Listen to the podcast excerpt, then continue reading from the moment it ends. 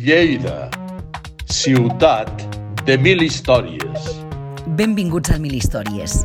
Un antic convent va donar pas, durant la segona meitat del segle XIX, a l'edifici de la maternitat, dins de l'anomenat Complex de la Misericòrdia per a l'acollida de nens, nadons i avis. L'orfelinat lleidatà, conegut també amb el nom de l'hospici, va ser fins als anys 90 del segle XX la continuïtat de la tasca que es feia a l'Hospital del Sant Esperit, que concentrava les tasques d'atenció de la beneficència. Redibuixem al nostre imaginari aquella època i recuperem les vivències que van quedar entre les parets d'una instal·lació avui reconvertida en equipament per a l'intercanvi del coneixement i la cultura, deixant enrere aquell passat de tristor i misèria. Mil històries. Mil històries. El Mil Històries ens porta avui fins a la Rambla d'Aragó, concretament a la Biblioteca Pública, perquè volem recordar el passat d'un edifici que fa unes dècades tenia uns usos molt i molt diferents dels que té avui en dia. I tenim l'oportunitat de parlar-ne amb l'arxivera de la Diputació de Lleida, escriptora i historiadora, la Teresa Ibars. Teresa, moltíssimes gràcies. Hola, bon dia. Moltes gràcies a vosaltres. Perquè els que tenim una edat ja, Teresa, recordem amb exactitud quina, era, quina havia estat la funcionalitat d'aquest eh, immoble, no? que presideix de manera imponent aquesta avinguda de la nostra ciutat, però les generacions més joves doncs, potser no tenen coneixement. Quin seria, quin era l'origen, des de quan està aquí aquest edifici i com va començar la seva història, Teresa? Bé, aquest edifici, abans de ser biblioteca pública, que és com el que has dit tu, la gent més jove el coneixerà, era el que s'anomenava l'orferinat, era l'hospici i portava fent aquesta funció l'hospici és on els nens petits que no tenien que tenien diferents problemàtiques que ja les comentarem eh, que estaven sols o tal eh, eren acollits i pujats no? aquesta funció aquí en aquest edifici es comença a fer a partir de, de mitjans del segle XIX arrel de les desamortitzacions que fan els béns eclesiàstics.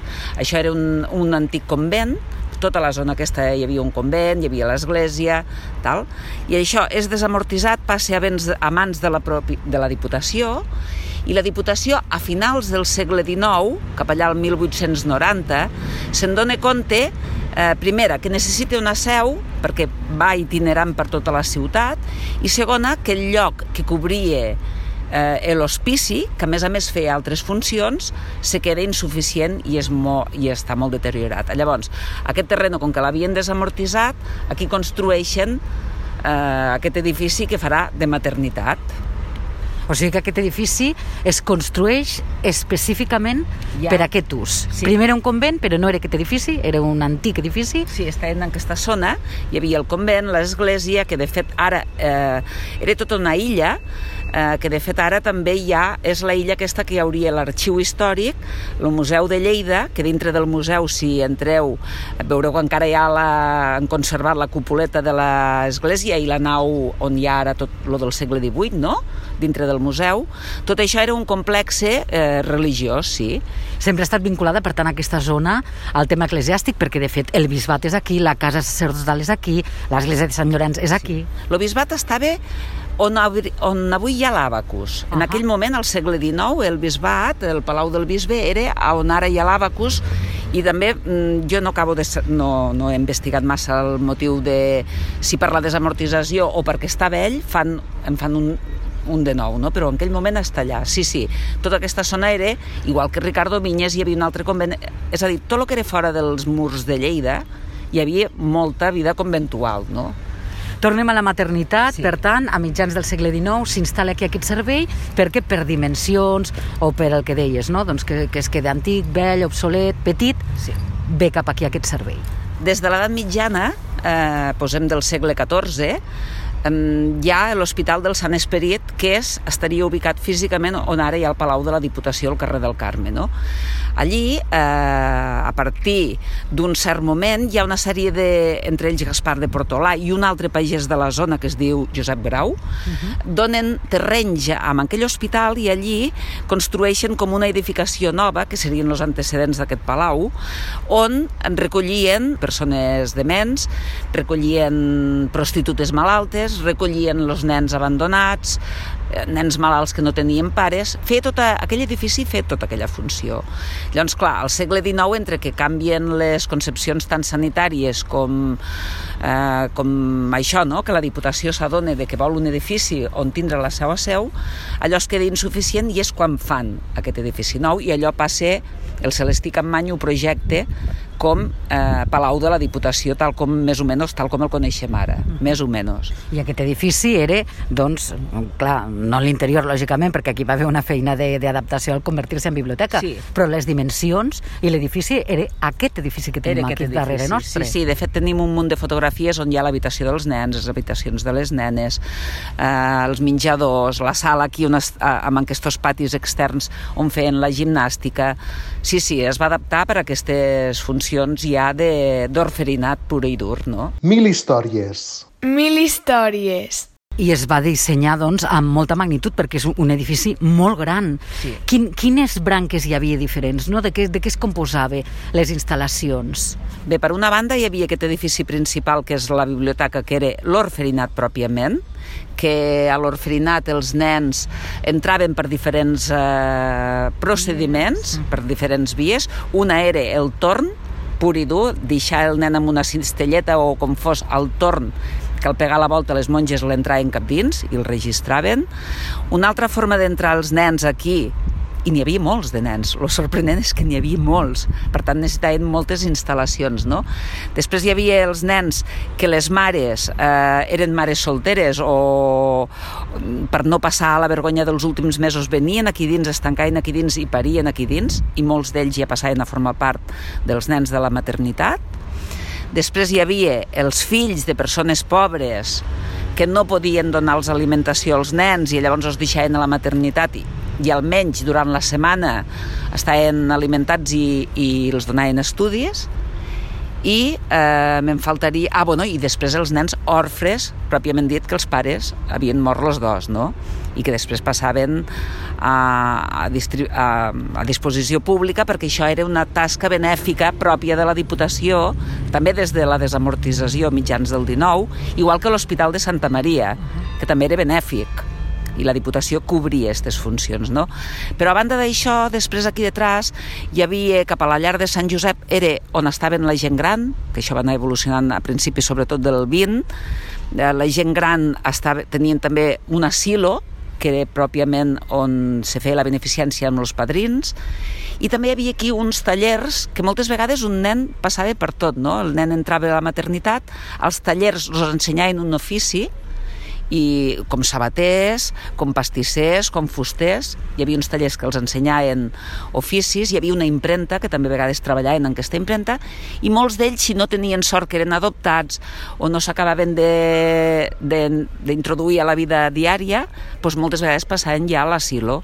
Vull dir que era com tot un complex de, que en dien el complex de la misericòrdia, de fet. Era tot podia ser tot un cicle de vida, no?, pel que podia estàs ser, dient, perquè si eh, respecte a la canalleta, de totes les edats, aquí podia arribar nens, nenes de totes les edats, de provinents edats. de diferents situacions familiars. Sí, d'aquestes situacions que he dit, i fins una edat, que ha anat canviant amb el temps aquesta edat, no?, però en principi pensa que cap allà a l'adolescència situem-la més amunt o més avall des dels 15 als 18 anys, eh, aquests nens havien de sortir ja de la maternitat. A vegades sortien, sobretot si eren noies, per casar-se, uh -huh eh, o, o perquè eren adoptats, no? però si no sortien i es trobaven en aquesta circumstància, moltes vegades sí que feien tot el cicle vital entre aquestes parets. També és veritat que la Diputació a molts d'aquests nens els va donar un ofici eh, i molts també els empleava a la pròpia Diputació, com ordenances, bueno, amb alguns que havien prosperat estudiant també els incorporava. Jo encara he conegut gent a la Diputació que provenien de, de la maternitat. Mm -hmm. Déu-n'hi-do. Sí. Teresa, deies, hi va passar molta canalla per aquí, molts nois, noies... Molta, molta. Molts? Moltíssima és, a veure, jo ara les xifres exactes no les tinc, però pensa que tot el que és la llargada de l'edifici, a la part de dalt eren habitacions que havia un llit al cantó de l'altre i estava sempre ple sempre ple, vull dir, de nens abandonats o dones que han vingut a parir aquí dintre perquè, bueno, per la vergonya social i pel mal vist que estava en aquell, sobretot posem després de la Guerra Civil o antes, és igual, eh? Eh, hi havia molta canalla abandonada, moltíssima. Vull dir, allò que veiem als orferinats anglesos de les pel·lícules és que era generalitzat. No cal anar a Anglaterra, no cal anar a Oliver Twist, no cal anar ho tenim aquí, no? Això també ho tenim aquí i t'anava a dir, és que clar, tot el que expliques ens remet, si més no sobretot a la gent més jove, doncs això, no? a pel·lícules, coses pel·lícules, que hem vist a les pel·lícules, sí, sí. però clar, les pel·lícules sorgeixen de, de la, la realitat, realitat, i la realitat de vegades eh, sí, és, sí. és superior al que un pot imaginar-se per escriure de un guió, no? una de les fenyes que he fet més assíduament, ara potser ja ha baixat una mica, però des que vaig entrar jo a la Diputació fa 33 anys, una de les fenyes que ha set contínua, contínua en el temps, ha set nens que venien a, a saber dels seus orígens, no? nens que ara ja són grans Clar. i que venien a l'arxiu pues, o bé perquè volien saber qui era la mare o com és que havien estat deixats a la maternitat o dades dels seus estudis o dades mèdiques. No? Vull dir, molta gent ha vingut als arxius de la Diputació a, a documentar-se, no? perquè fins a l'any 93, que és quan realment se fa el traspàs cap a la Generalitat, d'aquesta funció que antes era benèfica i que ara és ha canviat de nom i es diu pues, assistència social o no sé exactament quin és el nom. Protecció social, no? Sí, sí clar. Doncs eh, tot això ho feien les diputacions i, bueno, i moltes d'aquestes persones han vingut encara fins a dia d'avui a buscar informació dels seus orígens als nostres arxius. Mil històries mil històries. I històries, doncs, lògicament, al llarg de tants anys i tots aquests anys que estem explicant, n'hi ha d'haver mil i una i, molt i de mil formes molt tristes, molt tristes. I, i segur que algunes també, afortunadament, doncs, suposo que, que, que, que positives i satisfactòries, no?, de gent que potser bueno. va poder superar. Explica'ns una mica a, alguna d'aquestes històries de vida, no? Eh, jo he vist, bàsicament, en totes les persones que, que em matés, eh, evidentment el fet de viure en un hospici ha de ser una cosa tan dura que o ets un tità de caràcter, no? o, o, o jo penso que t'ha de deixar moltes seqüeles i moltes de les persones que han vingut a buscar informació sobre els seus orígens realment expliquen una història dura amb unes monges que, bueno, pues que també feien una funció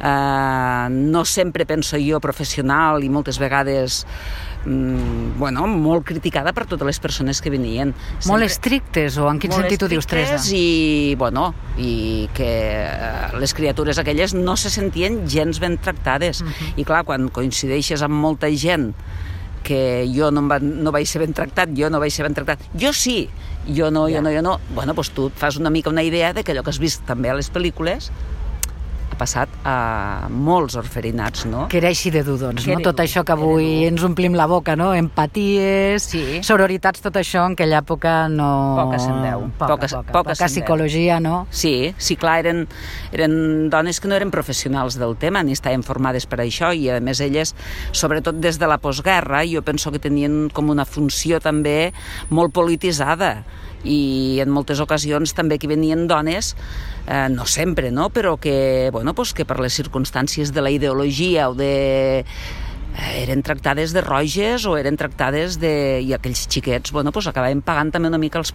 plats jo és el que he observat, vull dir, no, no inventem res, això surt en pel·lícules, però és que realment les històries de la gent que han vingut a buscar els seus orígens aquí són històries dures i es nota molt patiment detrás, molt patiment. Alguna que especialment per alguna cosa t'hagi copsat més que alguna altra, Teresa, que recordis? Bueno, algun cas de el nen s'ha mort entre la setmana de gent que els deixaven perquè eren pobres i que desapareixia el nen, això mos, ha, nos hi hem trobat. I ens ve al cap també, no? El que podria haver passat avui en dia, nens robats, lògicament. Nens robats. Eh, jo penso que algun cas podia ser que hagués hi hagut, no? Perquè entre altres coses les dones que venien a parir aquí dins perquè per l'estigma social aquells nens o els col·locaven, vull dir, hi, hi ha hagut de tot, no? I algun cas també dels privilegis de l'època, de algun nen que havia estat aquí a la maternitat, no? aquest me va cridar molt l'atenció, i que les monges li van donar estudis, li feien la roba a mida, les sabates a mida, als 7 o 8 anys ho van ficar en una pensió de dins del carrer, doncs perquè era d'algú ric, d'algun pare ric, no?, que devia tindre el seu remordiment o el seu cor respecte a aquell fill abandonat a la maternitat, doncs perquè devia, jo penso que devia ser algú eh, potent, no? però que tenia era el, la, la tristor de no poder cuidar el fill i llavors a les monges els donava tots els diners Claro. de tal manera que aquella persona va fer una carrera i es va situar molt bé. Uh Sí, I sí. lògicament això doncs, no passava amb tota la resta No, no, no, no. de nens i nenes que hi havia aquí, no? El que deies de Ficar-los les... en una pensió perquè estiguessin ben cuidats, fer-los sabates a mida i això no, vull dir, són casos puntuals, Un cas de mil, no? un cas de mil. Sí, Clar, sí. I això, doncs, També bueno, dona la idea de això, no?, de les diferències socials, que en definitiva la misèria és sempre producte de, veure, de la diferència social i de les diferències que hi ha entre les classes que viuen en una ciutat, en un país. i que sempre hi han estat i encara hi són, però agreujades en aquestes èpoques, clar, per la Clar. misèria ja del context i la social política, i de la vida sí, del dia a sí, dia, sí, no? sí. Clar, no té res a veure aquella època amb la nostra època. Totalment. I suposo que aquest senyor, doncs, lògicament, donava diners i les monges tenien un tracte doncs, més de favor amb Sí, aquest nen. sí, sí, perquè les persones que van vindre a buscar a veure si podíem averiguar qui eren els antecedents, no? Doncs això, eh, parlaven d'un tracte exquisit al xiquet, de, bueno, doncs això, anar al sastre a fer-li els vestidets, tots, Eh, la medalleta, tot, tenia tot aquell xiquet, i llavors dius, bueno, això només passava, en tots els anys m'he trobat un cas, Ah, ah, els de més més aviat és gent amb dolor i amb mancances, no? Mil històries. Mil històries. De lo que segur que sempre han arrossegat, perquè, clar, lògicament, Sí, sí. el que estem dient doncs, és eh, difícilment digerible i difícilment, difícilment superable, però, Teresa, segur que doncs, també hi va haver nois i noies no? Sí. que, que amb aquesta formació també potser van poder eh, o, o poden haver tingut no? una vida... Sí, és, és el que deia també, perquè per part de la- de l'organització de, de la institució, que era la Diputació, la que vetllava per aquests aquestes tasques benèfiques, moltes vegades els propis xiquets, ja ho he dit, eh? vull dir, eh, han entrat a treballar amb institucions i a la Diputació concretament jo n'he conegut, vull dir que evidentment mm, hi ha gent sempre reeixida a tot arreu, no? I que a la millor, bueno, les persones no totes vivien de la mateixa manera o no sempre se feia la mateixa política o tots tenim una sensibilitat que ens determina a patir més una situació o no patir-la tant. Perquè, clar, totes aquestes canalles que després tenien un ofici i s'han guanyat la vida treballant, bueno, doncs també va haure aquesta funció, no? Eh, no tot és negatiu, el que passa que, clar, suposo que la gent les mancances jo les he viscut molt, no? perquè et venen i moltes vegades has tingut que fer de psicòleg de, bueno, és que a mi em van adoptar, no, bueno, aquestes situacions que són delicades. Mhm. I al final de tot aquest, eh, d'aquest eh, sistema, no? cap als anys 90, què va passar amb, amb la canalla que hi havia aquí, la gent que encara hi havia aquí en aquella època? Doncs es van portar en aquestes noves llars que es va fer al Segà de Sant Pere i, bueno, i, i s'ha com...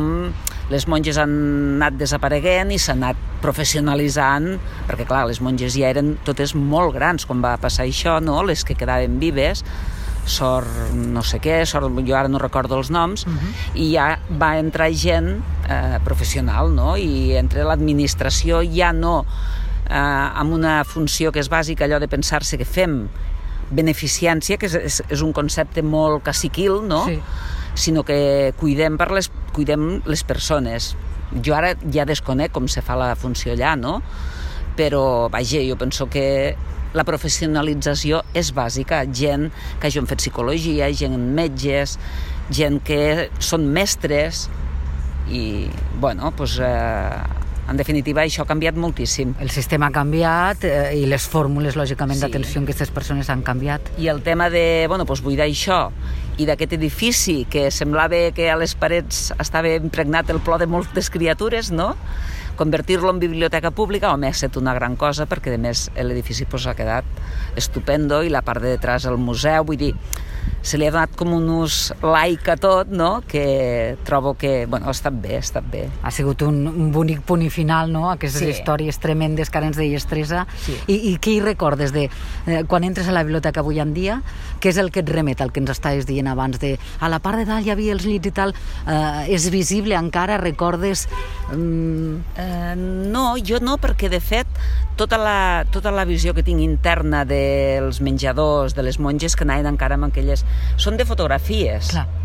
I jo tinc, sí, molt present a la part de dalt, sobretot, que hi havia les l'ala de xiquets i de xiquetes, però pels llitets, que jo he vist en fotografies, la cunya l'he vist a les fotografies, los lavabos, que eren tot amb bidets, com, a, bueno, com una mena de bidets petitets, que eren un per cada nen, les bossetes amb la roba, vull dir, això sí. Ara la, la directora de la biblioteca, que això deuen estar a punt d'acabar-ho, estan fent com una senyalització interior a l'edifici de què era en el seu dia cada un dels espais que tenen. I això serà interessant de veure-ho perquè ja dic, jo vaig estar una vegada només dins, eh, quan veníem a buscar aquesta documentació, que jo feia quatre dies que treballava a la Diputació, no? i em vaig poder situar molt poc. Però, bueno, si ara fan aquesta tasca de senyalitzar i de dir, bueno, doncs aquí hi havia la, això, l'enfermeria, no? Totes les diferents parts, també estarà maco de... Estan ajudant molta gent que hi havien estat, sé que també han aportat eh, informació i fotografies a altra gent que han estat aquí bueno, educats, no? I que és el que tu dies, no tothom té la visió negativa dels que jo he conegut, perquè clar, quan tu eh, decideixes anar a un arxiu a buscar els teus orígens és que et falten molt, no? I potser clar. jo, clar, jo he contactat més en la part aquesta de la gent que se senten desarrelada. Mm -hmm que segur que malauradament és la gran majoria. Doncs estarem molt pendents tres d'aquest projecte perquè ens permetrà segur contextualitzar totes aquestes paraules i aquestes sí. històries i aquestes explicacions que avui ens has donat aquí al Mil Històries i que t'agraïm moltíssim. Teresa, gràcies. M'agrada molt explicar-ho, això. són, són parts de Lleida que, que, bueno, que, que estan bueno, que nos han fet una mica com som i arribar a la biblioteca després d'això pues, també és una evolució no, positiva, no tot és negatiu sempre. I sobretot la gent més jove doncs, que potser no tenia idea també els hem obert una mica els ulls sí, sí. a que de vegades doncs, potser venim aquí tot sovint a la biblioteca i ens hem plantejat què era això abans sí. i quines històries no? i tan, tan complexes i crues com les que hem dit doncs, eh, hi havia hagut aquí dintre. No? Pues sí. Teresa Ibarra, arxivera de la Diputació de Lleida, historiadora i escriptora, moltíssimes, moltíssimes gràcies. Merci. Gràcies a vosaltres. Eh? Lleida, ciutat de mil històries.